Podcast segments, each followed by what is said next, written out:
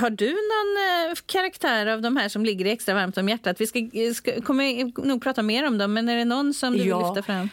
Ja, jag tycker väl att Filip Jonkan är den mest eh, skarpa eh, figuren. Hon är underbar tycker jag i sin vimsighet och sin ängslighet. Och, men hon är också artistisk. va? Ja. Och jag tycker eh, den här Filip Jonka som trodde på katastrofer tycker jag är en pärla. Just det. Där handlar det om hur hon eh, har, får onda aningar när det är allt för vackert väder. Va? Och hon föreställer sig en stor storm som sen kommer och alla hennes små prylar blåser ut. Och den, är, den är verkligen fin.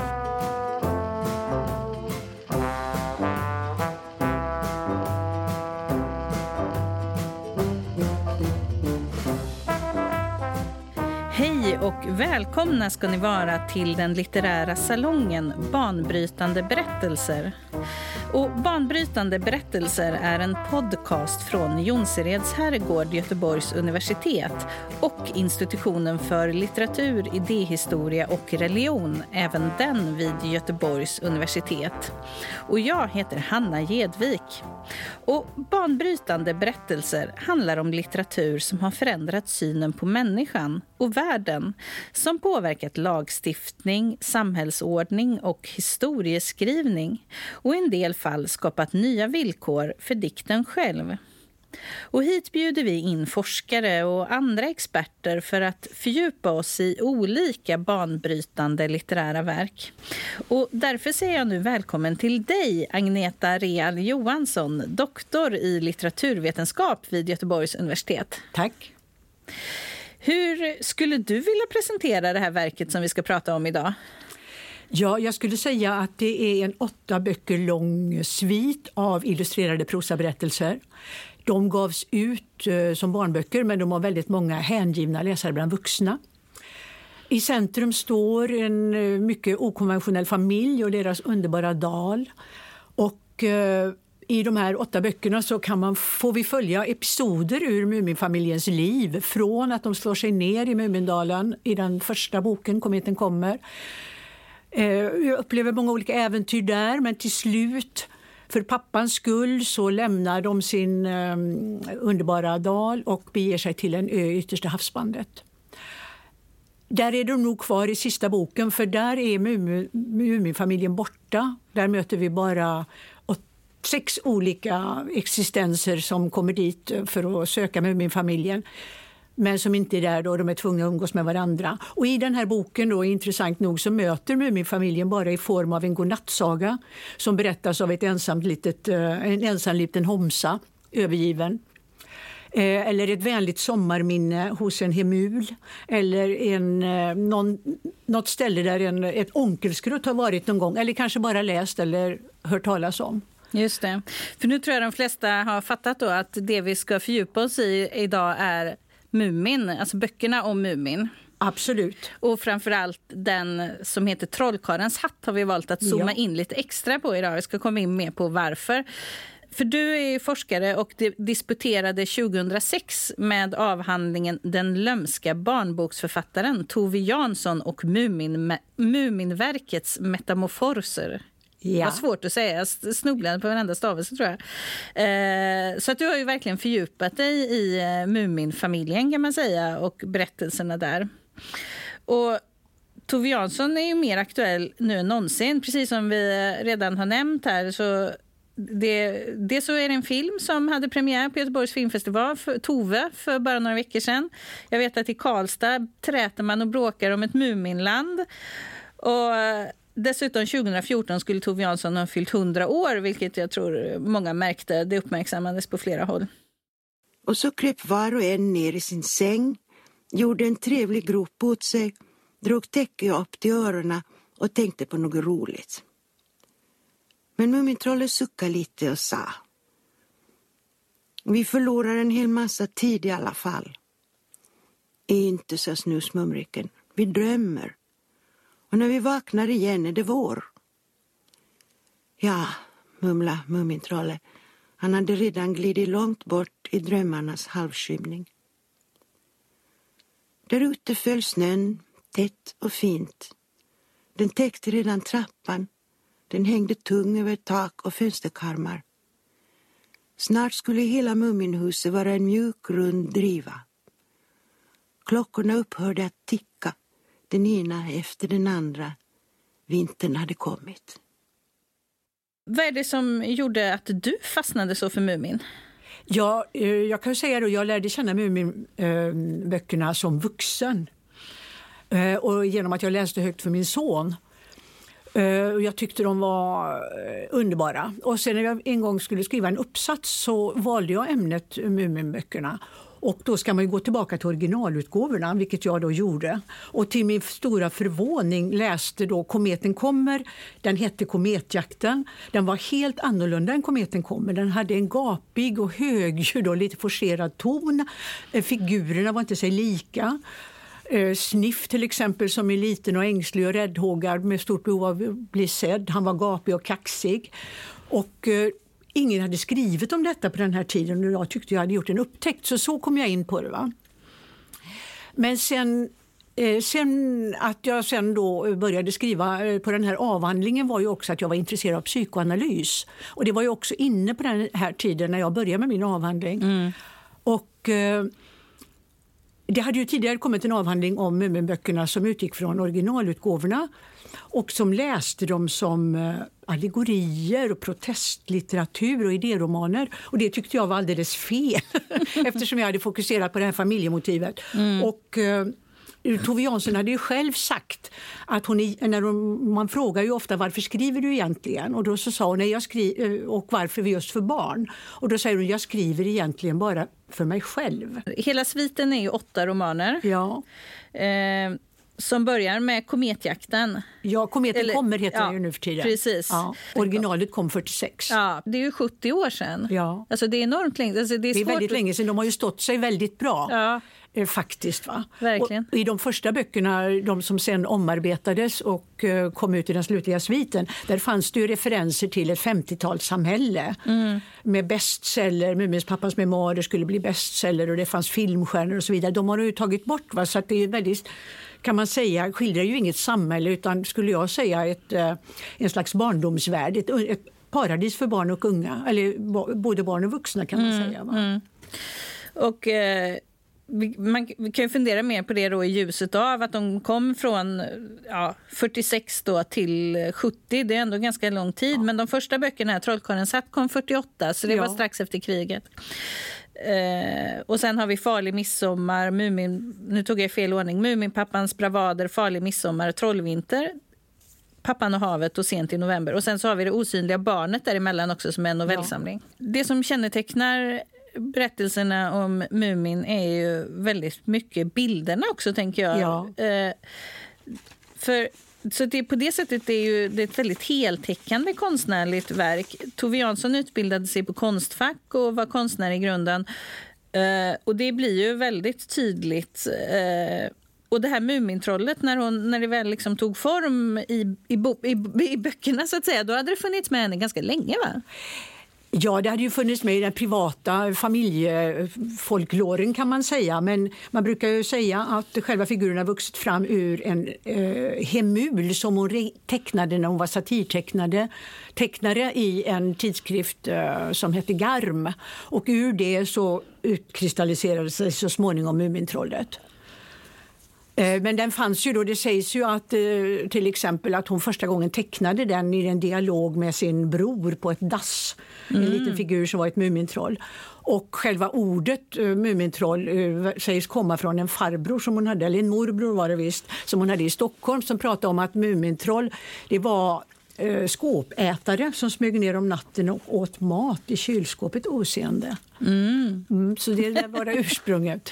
Hur stora är de här Mumintrollen egentligen? Vad tror vi? Ja, vad ska vi tro om det? Du? De är kanske... det, det, det, det vet man faktiskt, inte. Nej, men man ser ju hur stora de är i förhållande till naturen. Just och I de senare böckerna är de ju mycket mindre i förhållande till naturen än i de tidigare. Men de kan väl vara någon halv meter höga. Ja, ja. Eh, men vände den sig renodlat till barn när den kom? Den, nej, men det var ju det som var intressant. När den kom så bröt ju den mot det här som var eh, i barnlitteraturen tidigare där man då hade småbarnsböcker som ofta handlade om påklädda djur.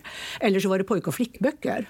De var alltså ålders eller könsseparerade, men de här böckerna är ju inte det. Va?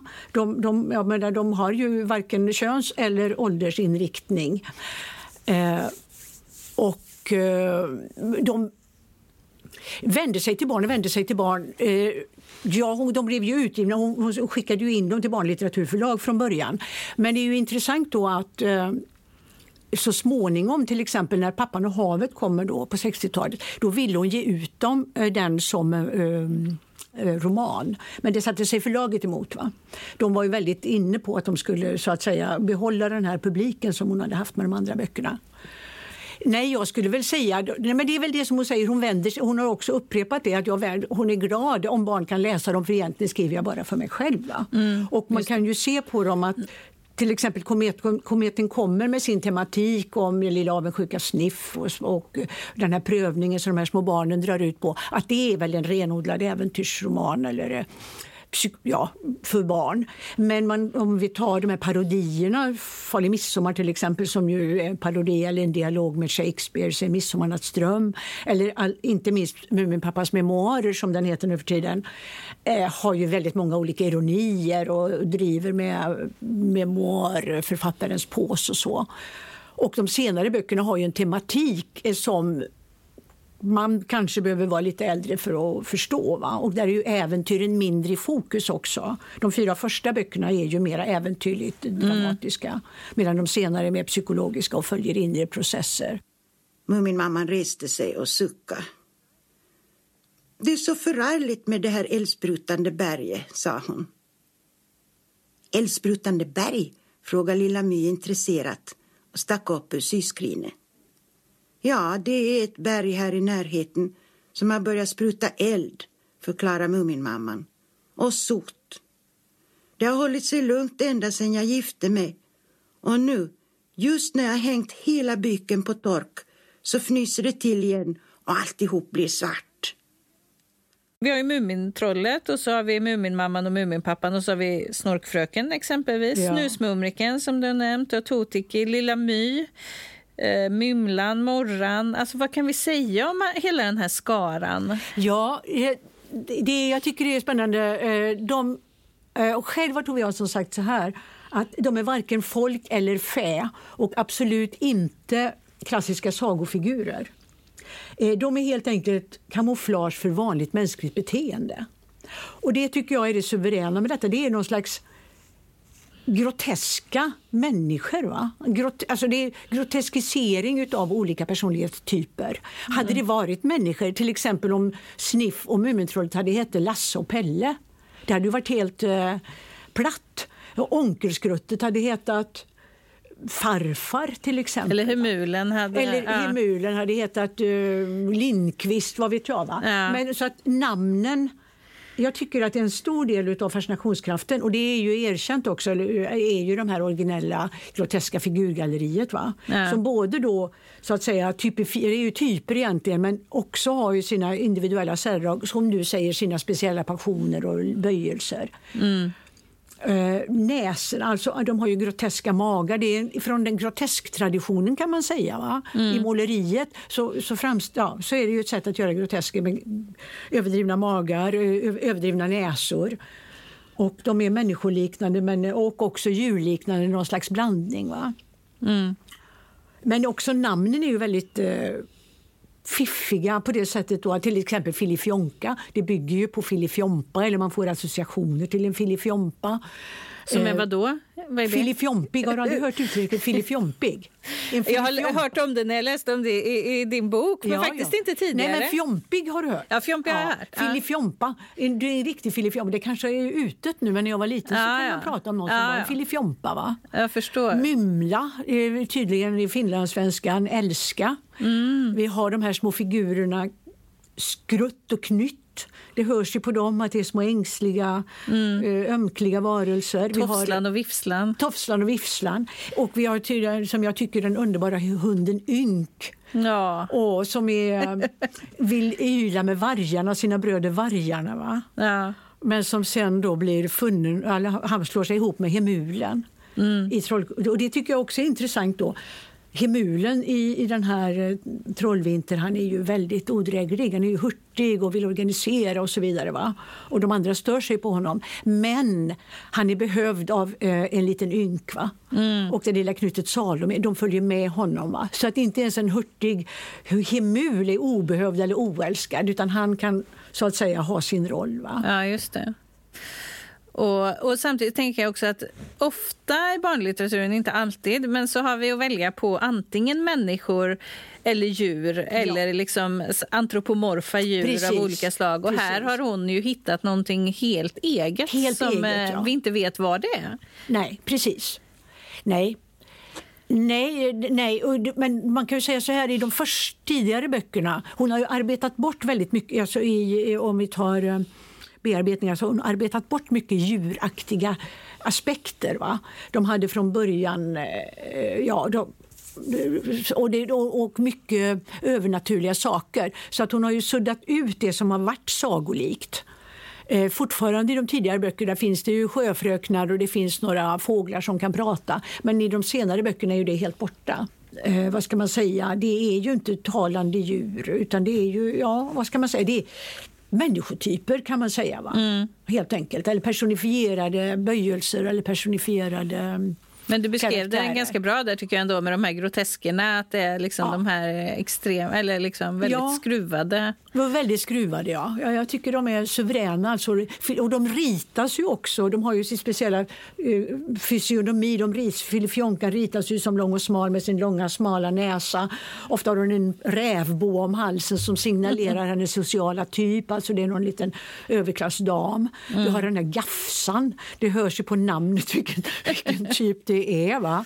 Lite förnumstig och eh, lite mer eh, missundsam typ. Eh, Onkelskrutte tar sin halsduk och sin käpp Snusmumriken äh. har sin slokhatt och sin munharmonika. Mamman har sin handväska. Så att de har ju också sina attribut som gör att man kan känna igen dem. Va? Ja, och som liksom symboliserar dem ja. på olika sätt. Och sen så är det de här ganska starka relationerna. Jag tänker på Mumintrollet framför allt då och Snusmumriken har ja. ju en väldigt, eh, eh, i alla fall från eh, Mumintrollets sida, ja. väldigt stark relation. Ja, medan. Snusmumriken kommer och går lite. Och... Han kommer och går som han vill. Ja. Han har dåligt samvete i, i, eh, i vårvisan i eh, Det osynliga barnet så har han ju dåligt samvete han kan, för att han inte han tänker på Mumintrollet som längtar efter honom och så kan han inte skapa bara för att han eh, tänker på honom. Och sent i november är det ju faktiskt så att han eh, återvänder till Mumindalen för att han glömde att säga farväl. Eh, han letar efter ett avskedsbrev från Mumintrollet. Så att det, han har också en relation. Men mm. Det är ju Mumintrollet som behöver Snorkfröken som ju är hans ställföreträdande fadersfigur. De har ju en mycket intensivare... Nu sa du Snorkfröken, menade du det? Eller menade Nej, du... jag menar med, med Snusmumriken. ja. Det är ju hans mentor eller hans ställföreträdande far. Ja. Det är han som lär honom slåss med, med den här angosturan i Kometen kommer. Och, Eh, ja, det är hans, eh, han är mycket viktigare för, för Mumintrollet än pappan ja, är. Va? Ja. Och samtidigt så står han ju för någon slags frihet också som inte de här som eh, lever ganska tätt tillsammans Absolut. där i dalen och så är han då den... Ja. ja du hör vilken som är min favorit. Ja, är det Snusmumriken eller? ja, det är nog Snusmumriken. Ja. Jag har gått från Lilla My till Snusmumriken. Ja. Många har ju Lilla My för att hon är så pigg och uppriktig och lite argsint. Va? Ja. Jo, men jag tycker om henne, hon behövs ju. Ja. i ja. det här sentimentala sällskapet. som hon livar upp. Ja, verkligen. verkligen. Alltså, vad är Muminfamiljen för några egentligen? Ja, det är ju en ovanligt okonventionell familj. Eh, de är ju synnerligen lekfulla. De vill inte ha tråkigt, de har nästan aldrig tråkigt. Den är stor och öppen och föräldrarna flyttar bara in nya sängar om det kommer nya gäster. Den expanderar ju också genom sviten och man får nya eh, vad ska man säga, familjemedlemmar. Lilla My kommer in ifall det är midsommar. Eh, snusmurken kommer och går. Ibland är det en hemul där Sniff försvinner ur böckerna och så vidare. Och de har ju mycket udda levnadsvanor då. De går i, i, i vad heter det, som skönt för dem, i ide på vintern. Och i övrigt då så leker de väldigt mycket. Jag skulle säga att eh, det är deras eh, lekfullhet och föräldrarna och inte minst Muminpappan är ju väldigt lekfull. Mm. Och jag tycker just Trollkarlens hatt eh, det handlar ju om egentligen, det är huvudtemat skulle jag säga, den lekande familjen och livet eller vardagen som ett, le ett lek. Va? Och hur märker man det då? Ja, de är ju ute på ständiga upptäcks, nattliga utflykter, eh, upptäcktsfärder, man sover under bar himmel på en ö. Man hittar inte minst till exempel då i den vänliga naturen, man hittar en segelbåt på stranden en dag när man har lust att göra utflykt. Eh, när man har lite tråkigt en dag så eh, lägger uh, Muminmamma några blad i trollkarlens hatt Eh, som då förvandlar hela Muminhuset till en djungel som man kan leka Tarzan i urskogen. Det händer hela tiden oväntade och överraskande saker. Eh, landskapet är vänligt och inbjudande. Och, eh, ja, det finns ständigt någonting nytt att göra. Det finns dramatiska eh, åskväder, det finns en jättemameluck i havet som man kan fiska upp. Och man, inte minst så har man ju en underbar augustifest där Muminmamma lagar pannkaka eh, i badkaret. Och Muminpappan gör stora tunnor av bål mm. som man festar man dansar hela natten. och så vidare. Mm. Så att jag tänker mig att det är ett paradis både för barn och för vuxna. helt enkelt. Va? Den mm. där eh, boken. Och Det är väl därför den är så älskad. Det är också den som är utgångspunkten kan man säga för senare böcker. Den anspelar ju tillbaka på den hela tiden. Och man kan säga att till exempel Pappan och havet då är ju en total omvändning av den. Mm. Fyren är raka motsatsen till Muminhuset, eh, den kala ön och Kari i motsats till Mumindalen. Så att hon återvänder ju till den här dalen. Men det eh. mörknar vartefter så att säga? Ja, det kan man säga. Det kommer fram nya dagar. Och i, ja, just det. Och i trollvinter då så vaknar ju Mumintrollet i vintern eh, ensam ur idet, alldeles förfasad över hur, att dalen är förvandlad då till en okänd farlig vintervärld. Och det är mm. första gången han är ute på äventyr själv. Då. Så att den är ju väldigt omväxlande, även om den är då eh, vad ska man säga, den har ju sina konturer så att man känner igen den och den har sina egenheter. Eh, men den förvandlas ju. Det är det jag menar då med Muminverkets metamorfoser som jag tycker är väldigt intressant. Då, att i bok efter bok så förvandlas den här världen från väldigt äventyrlig dramatisk värld till en då mera trist, mm. stillastående, höstlig värld. Varför blir det så då, tror du? Tove Jansson säger själv att hon var väldigt trött på Muminhysterin som var efter Farlig midsommar. Hon blev ju väldigt hyllad. Från, från Trollkarlens hatt fick hon ju väldigt mycket uppmärksamhet och uh, storslagna recensioner och så vidare. Och så hade hon ju börjat med sina serieteckningar som gick över hela världen. Och hon var väldigt trött på Muminfamiljen.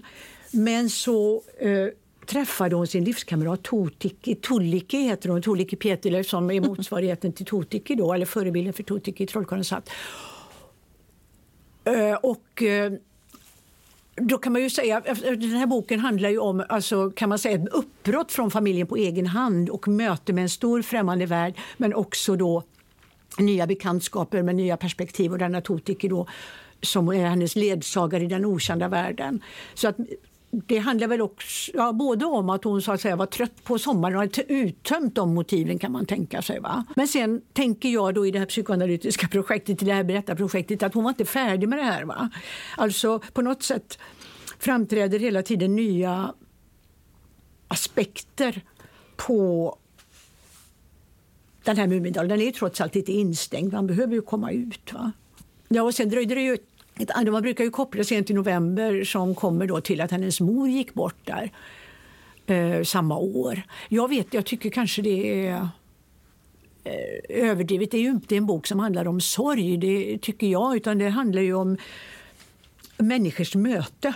De inte kan fly tillbaka till sina barndomsminnen eller hitta den här underbara familjen eller så, utan de är hänvisade till sig själva mm. för att finna mening i sina liv. Mm, mm. Och att bli sedda och lyssna på varandra. Eh, så jag, jag, tycker väl att teman i, temat där, mer än sorg, är någonting om den människans villkor. Den lyckliga barndomen det kanske var bara någonting du drömde om men världen är full av levande människor. Det är bara att du får möta dem, så att säga. Va? Mm. I Trollkarlens hatt så lär vi ju känna den här familjen väldigt väl. Och Ja. som du sa, de är väldigt, den är väldigt eh, otraditionell på, på väldigt många sätt. Men samtidigt så är den ju också väldigt traditionell, som du också påpe påpekar. Alltså, vad, hur, Ja. hur kan man också se den här familjen? Ja, alltså jag har ju då en sak som jag tycker var en, rolig upptäckt som jag gjorde då.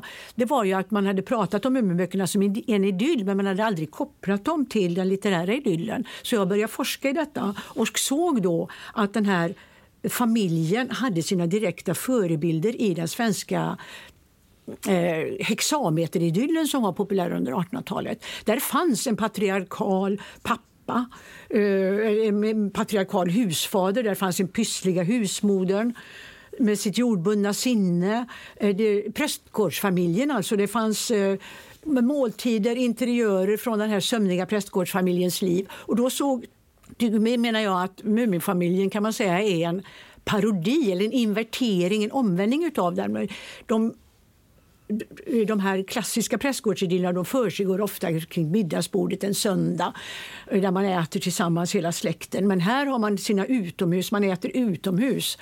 Eh, man tar med sig... Eh, det finns en rolig scen i Trollkarlens hatt tycker jag, när de ska, och mamman vill åka på utflykt. Och vi packar genast, säger pappan. Och då säger Sniff, får man äta upp det man har i munnen? Det, det tycker jag är väldigt roligt. Och det var ju en av de sakerna som, om vi ska ta upp det, som man störde sig på i eh, diskussionen när böckerna kom. Det fanns många som hyllade dem då som fantasifulla och originella och så vidare. Men det fanns också en diskussion om hur de uppförde sig i de här böckerna. Och uh, språket. Och en sak som jag Alltså skulle- att de var lite utmanande? Alltså, Ja, eller? de var förut, Ja. de provocer- alltså, barnböcker skulle på den här tiden kanske inte uppfostra men de skulle ju i alla fall ha någon tendens. Men de här hade ju ingen tendens och Tove Jansson upprepade det. Jag har inget pedagogiskt syfte, jag vill bara skildra en familj som var ovanligt lycklig och glad. Va? Det är så sant, instämde Muminpappan. Vi gör en utfärd någonstans, va? Vi har varit på alla platser redan. Det finns ingen ny, sa Hemulen. Men det måste det finnas, sa pappan. Och finns det inte så gör vi en. Sluta genast att äta ungar. Vi tar maten med oss. Får man äta upp det man redan har i mun? frågade Sniff. Var inte fånig, sa Muminmamman. Det finns en, en, en passage i Farlig midsommar som är fantastiskt rolig och som jag nästan vill läsa upp ja, läs upp det. Därför att jag har ju i, ett projekt som jag är med om nu så har jag eh, tittat på de engelska utgåvorna och den passagen den är struken. Just den passagen är struken i den engelska utgåvan. Idag va? ja. Fortfarande. Och det Ja, visar okej. ju hur, hur Ja. så att säga anstötlig den jag måste förstår, vara. ja. Och det är Farlig midsommar då när den här flodvågen har lagt Muminhuset under vatten så eh, borrar pappan hål i golvet ner till eh, salongen. Och eh, Mumintrollet får dyka efter frukost. Då går det till så här. Han simmade fram till skafferiet och fick upp dörren. Vattnet där inne var vitt av mjölk med lite lingonsylt här och var. Några limpor seglade förbi honom, följda av en grupp makaroner. Mumintrollet nappade till sig smörasken, fångade in en limpa av den ljusa sorten i förbifarten och gjorde en späng förbi spiselkransen efter Mumimammans kaffeburk. Och nu kommer den här frukosten då. De valde ut en stol som ingen någonsin hade tyckt om och gjorde kaffeved av den. Sockret hade tyvärr löst upp sig men Mumintrollet hittade en burk sirap istället. Pappan åt marmelad direkt ur burken och lilla My grävde sig genom en hel limpa med cirkelborren utan att någon brydde sig om det. Alltså, eh, man Ja. tänker sig detta i en barnbok och som sagt Det så blir lite det i surrealistiskt eller en- väldigt vridet liksom. Ja, alltså om man tänker sig att barnlitteratur och då kanske till och med i England där man har humor va? I barnlitteraturen så passar det fortfarande inte i en barnbok att skildra en sån här. Det är den Nej. enda episoden som är struken Ja, okej. i den engelska ja. översättningen. Ja. Så det är lite samma som Astrid Lindgren stötte på också, att man gör barnlitteratur som inte är helt eh, alltigenom föredömlig. Precis, och det var ju det som var det nya med Tove Jansson som ju debuterar samtidigt då som, eh, som Astrid Lindgren, att hon inte Eh, att det nästan var antipedagogiska kan man ju säga. Va? Eh, när hon har skrivit Farlig midsommar då har hon skrivit fem böcker, den först, inklusive den första Småtrollen. Då. Då eh, presenteras hon på kultursidorna i Sverige. Eh, I Svenska Dagbladet, eller i eh, Dagens Nyheter 1956 så presenterar hon som, eller böckerna då, som en stor mytskapare i den svenska litteraturen. Man kan jämföra henne, man jämför henne med Per Westberg, eh, Sara Lidman och Gyllensten. Och hon är en av de intressantaste talangerna som vi bör hålla uppsikt på i det svenska 50-talet, säger eh, eh, han, den här kritikern som gör mm. den stora eh, presentationen. Och det händer ju i princip aldrig att någon skriver som barnboksförfattare. Nej, Nej och det framhölls ju i början också att de kunde läsas av vuxna. Och det är intressant, den presenteras samtidigt då också i Svenska Dagbladet som också framhåller att det här är en sagoberättare för vuxna. Och man läste dem då, alltså, ja, man recenserade dem som vilken annan litteratur som helst och jämförde med de stora prosaisterna på den tiden. Va? Intressant nog tycker jag då, därför att sen har man ju förpassat de här till barnlitteraturen. Och forskare som håller på med Tove Jansson blir ju betraktade som barnlitteraturforskare och eh, ja, man diskuterar om det är barnlitteratur eller de räknas saklöst till barnlitteraturen vilket jag Ja, de är ju utgivna som barnlitteratur men de är ju mycket mer komplexa och de borde mm. ha, tycker jag, jämfört med annan 50-talslitteratur, hur mycket är det som har stått sig? va? Ja, precis. Ja. Ja. Det skulle jag vilja säga. Det kan vi ta med oss, verkligen. Ja. På det sättet, alltså, det är otvivelaktigt klassiker. Alltså, absolut. De står, kommer ju absolut. stå sig liksom som klassiker i, absolut. i över, all överskådlig framtid ja, som vi kan se nu. Faktiskt. En obestämd eftermiddag i slutet av augusti gick en pappa omkring i sin trädgård och kände sig onödig. Han visste inte var han skulle göra av sig, för allt som fanns att göra var redan gjort eller också var det någon annan som höll på med det. Pappan tassade omkring på måfå i sin trädgård och efter honom rasslade hans svans melankoliskt över den torra marken. Hettan låg och jäste här inne i dalen Allting var orörligt och tyst och lite dammigt. Det var månaden för stora skogseldar och stor försiktighet. Men den här dalen då, du var inne på det här, den påminner väldigt mycket om Tove Janssons egna ja. somrar, både svenska skärgården och sen också finska skärgården ja, och så. Alltså vad, vad, är det här för plats? Ja, det är ju en plats då den har ju, eh, vad ska man säga, alltså det finns ju någonting som är väldigt eh, likt då den här traditionella eh, idyllen i litteraturen. Den har sina grönskande sluttningar, den har den långsamt rinnande floden, eh, den har eh, en grotta, den har en eh, pott eller en liten eh, källa i skuggig svalka. Den har en bekymmerslös tillvaro utan eh, tanke på samhällets plikter. Det är ju precis det motivet som har funnits ända sedan eh, kan man säga Vergilius tid och återskapats i traditionen. Så på det sättet så placerar hon ju, tycker jag, Mumindalen är en, en plats i idylltraditionen helt enkelt. Va? Mm. En, en idyll.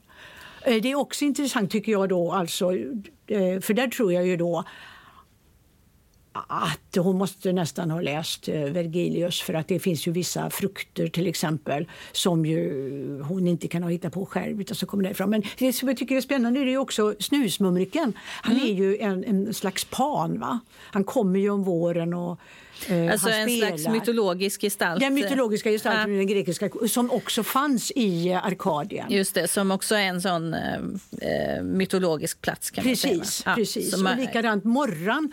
Eh, I Arkadien så finns ju eh, också döden. Morran är ju inte döden men hon är det enda negativa elementet i den här, i den här idylliska dalen, i den här idyllen.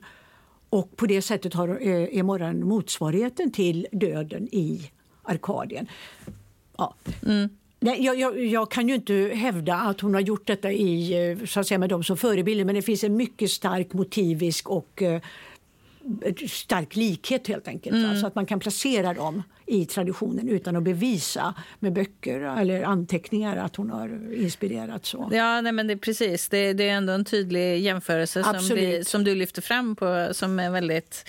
Det är ändå intressant som du säger, det sätter en i den traditionen. Ja. Av avsnittet pratade vi om Sagan om ringen och det ja. var faktiskt lite samma tematik tänkte jag på nu att man, man är i den här liksom det idylliska samhället och sen så tränger sig liksom olika faror på på olika sätt. Nu är det större faror i Sagan om ringen. Men, ja. ja, precis. Nej, men det är också intressant. Alltså jag, jag, eh, kallar ju Muminsviten för en serie familjeromaner.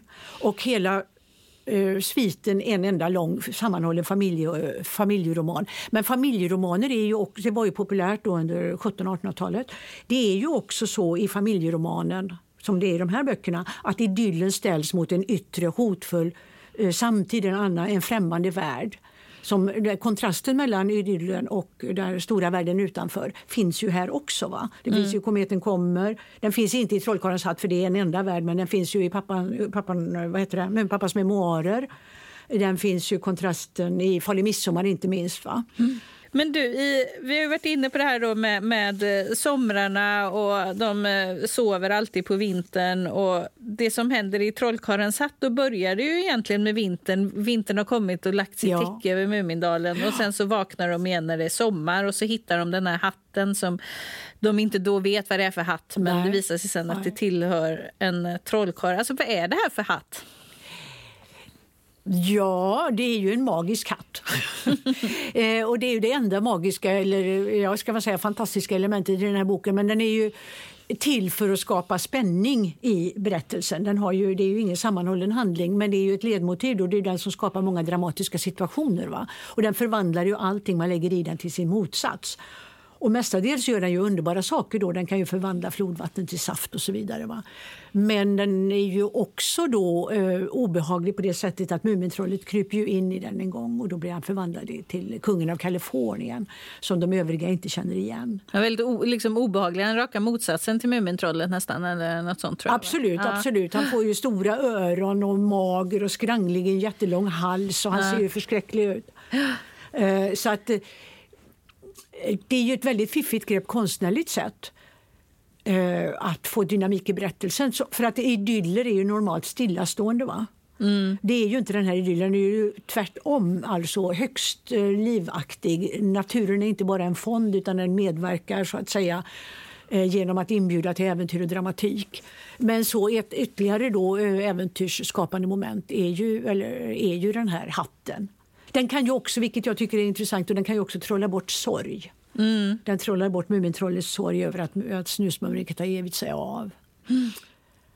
Och, För man tror att den ska vara lite läskig och man tror att trollkaren ska vara läskig på ja. något sätt. Men sen så, och det börjar ju lite i den änden när, troll, när Mumintrollet blir förvandlat. Ja. Men, men sen så visar det sig att den leder till väldigt goda saker. Absolut. Eller ja, glädje. glädje ja, just det, liksom. glädjen. När de ja. vet hur de ska handskas med den och när de har förstått eh, så att säga. Va? Eh, jag menar då, men mamma vet ju inte att hon lägger ner lite kryptogamer i hatten men det blir ju en oerhört positiv eh, utveckling då med den här djungeln där de kan leka. Och från och med då så sätter de hatten eh, på, ha, på eh, vad heter det, hall, i hallen. På en byrå i hallen. Mm. För nu är de inte rädda för den. De försöker först göra sig av med den. Va? Nej, och trollkarlen då som kommer från... Han är ju väldigt, han är ju väldigt snäll. Han gör ju allt vad man... Alla får ju önska sig vad de vill. va? Mm. Så att, eh, jag, jag, skulle säga då att alltså, Trollkarlens hatt är ju ett önskeuppfyllande paradis för både barn och vuxna. Vi önskar väl att vi hade det så.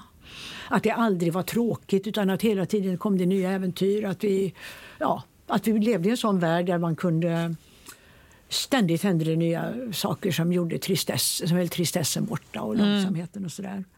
För den utspelar sig över en sommar så att det blir ju en sån här underbar, den symboliserar ju på något sätt, eller hela berättelsen blir ju någon slags här eh, barndomens somrar Absolut. när det är som ja, ja, ja, ja, nedkokat liksom till det mest perfekta. Absolut, och den rör sig ju faktiskt från, den för, från våren, den första göken gal, mm. till där den svala hösten kommer in. Och lyckligast är när de, då, då, när de går hem i skymningen från augustifesten så lyckligast är Mumintrollet där han och hans mamma går hem i kvällningen mm. tillsammans. Och ljuvlighet. Att när man har ätit upp allt, druckit ur allt, talat om allt och dansat sina ben trötta, gå hem i den tysta timmen före soluppgången för att sova. Trollkarlen flyger till världens ände och musmodern kryper ner under sin grästuva. Men båda är lika lyckliga. Och kanske lyckligast är Mumintrollet som med sin mamma går hem genom trädgården just när månen bleknar i gryningen och träna rör sig lite i morgonvinden som kommer utifrån sjön.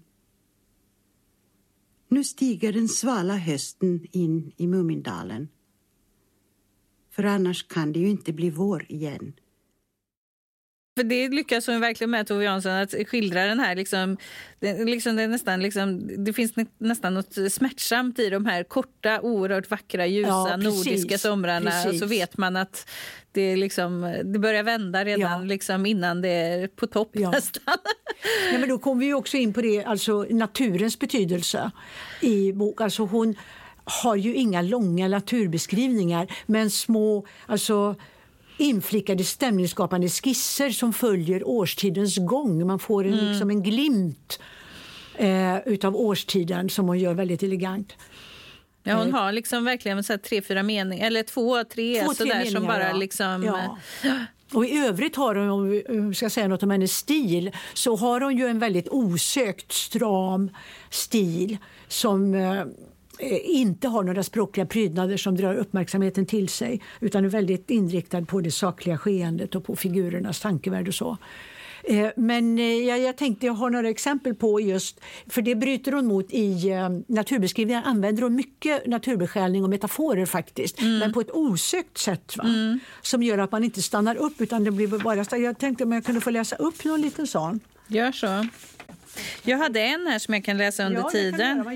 Som, är, som jag tyckte var också så verkligen fångar den här känslan väldigt väl. Jamen. På kvällen kunde Mumintrollet inte somna. Han låg och tittade ut i den ljusa juninatten som var full av ensamma rop, av tassande och dans. Det luktade gott av blommor. Ja, men det är underbart. Visst är det fantastiskt fint? det är jättefint och väldigt enkelt. Och väldigt samtidigt enkelt, ja. skulle ingen, eh, tror jag, säga att man skulle skriva det luktade gott av blommor idag, men ändå så blir det så ja, men det är fantastiskt också så, enkelt som hon har, och fint. Alltså, någon slags glidning, eller ska säga, starkt identifierad med figurernas perspektiv. Mm. Så att det är Mumintrollets perspektiv, det luktar gott av blommor. Just det. Eh, mm. men jag, har, jag, jag har några naturbeskrivningar, lätta och luftiga. Ja. Eh, Trollkarlen satt då till, i början till exempel då Mumintrollet stod på trappan och tittade på hur dalen drog vinterlakan över sig. Ja, den är fantastisk. Ja, den är fin, va? Och uh, här har vi när de är ute på ön. På utsidan av ön höjde ur, urberget sina blankslipade ryggar i sjön. Mellan dem kunde man oförmodat finna små flikar av snäckbesållad sand, sjöfröknarnas undanskymda dansgolv eller svarta hemlighetsfulla klyftor där bränningarna dånade som slag mot en järndörr. Alltså, mm de är väldigt atmosfärskapande utan att man liksom tänker på att här är det en metafor. Det, det liksom mm. sticker inte ut. Va? Nej, nej, precis. Det vävs in väldigt, ja. väldigt fint.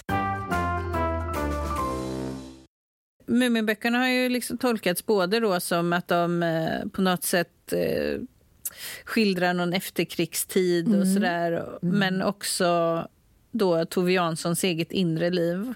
Ja, alltså jo, jo. Nej, men de, de första böckerna, eller, hon har ju själv, de tillkom ju både Småtrollen och den stora översvämningen som kom 45. Eh, har hon ju sagt att hon kände sig så ledsen och nedstämd att hon ville skriva en barnbok. Va? Eh, och det var inte meningen att den skulle publiceras från början utan det var någon, en, en vän som uppmuntrade henne till det. Och Kometen kommer, där ju då, som är väldigt skrämmande, eh, redan på omslaget domineras eh, av en stor komet som hotar att falla mm. ner över jorden. Eh, den har man ju kopplat till hotet från atombomben och kriget naturligtvis. Va? Eh, så det är ju väldigt lätt att förstå. Eh, jag menar inte heller att den skildrar hennes inre liv utan jag menar hellre på något sätt alltså att man kan förstå utvecklingen i boken som består i att på något sätt är det någonting som driver henne att fortsätta och, och, och berätta berätta eh, den här historien, att återvända till sin Muminfamilj och Mumindal som hon ville upptäcka nya sidor av sin barndom. Men varför tror du att det är så många som... Alltså det är så oerhört tidlöst. Som vi sa, det är över 70 år sedan första ja. boken och unga idag, kanske ja. i en viss ålder framför allt, eller också så tar man med sig dem genom barndomen. Ja. Alltså, vad är det som gör det här så universellt? Vad är det som gör att man, man fastnar? Eh, vad är det som gör att man fastnar? Ja, eh, det är väl, tror jag ja, dels de första böckerna som då är äventyrliga och Kometen kommer som är ett mycket dramatiskt eh, äventyr för små barn. Eh, men som också är då en väldigt stark inlevelse med det lilla djuret, avundsjuka djuret Sniff till exempel. Och han hittar sin katt som han sen, eh, som han sen får eh, ja, förenas med. Och, alltså stor dramatik. Men jag tror också att det väldigt mycket är berättarens förhållande till sina figurer. Eh, att eh, man lever sig in i och tycker om de här väldigt olika figurerna trots att de då kan ha egenskaper som är motsatta en egna. Sådana som man inte tycker, man tycker inte om de här figurerna i verkligheten men de är kärleksfullt skildrade. Alla kan bli omtyckta. Alla är behövda, till och med då en hurtig Hemul. Jag tror, för mig var det det. Det, var tröst, det är trösterika böcker. Va? Mm. Ja, hon är obrottsligt lojal med sina karaktärer Absolut, på det sättet obrottsligt också. lojal. Det är, trots detta då att de då kan skildra människor som vi i verkligheten, eller om vi är vuxna, upplever som ganska tråkiga typer. Va? Tack så hemskt mycket, Agneta Real Johansson, för att du kom hit till Banbrytande berättelser och berättade om Mumin. Ja, det var bara roligt. Och du har alltså lyssnat på podcasten Banbrytande berättelser, en litterär salong som produceras av Jonsereds herrgård, Göteborgs universitet och institutionen för litteratur, idéhistoria och religion, också den vid Göteborgs universitet. Och vill du lyssna på tidigare avsnitt så hittar du dem på vår hemsida gu.se Jonsereds herrgård eller där poddar finns. Jag heter Hanna Edvik. Tack och adjö för idag.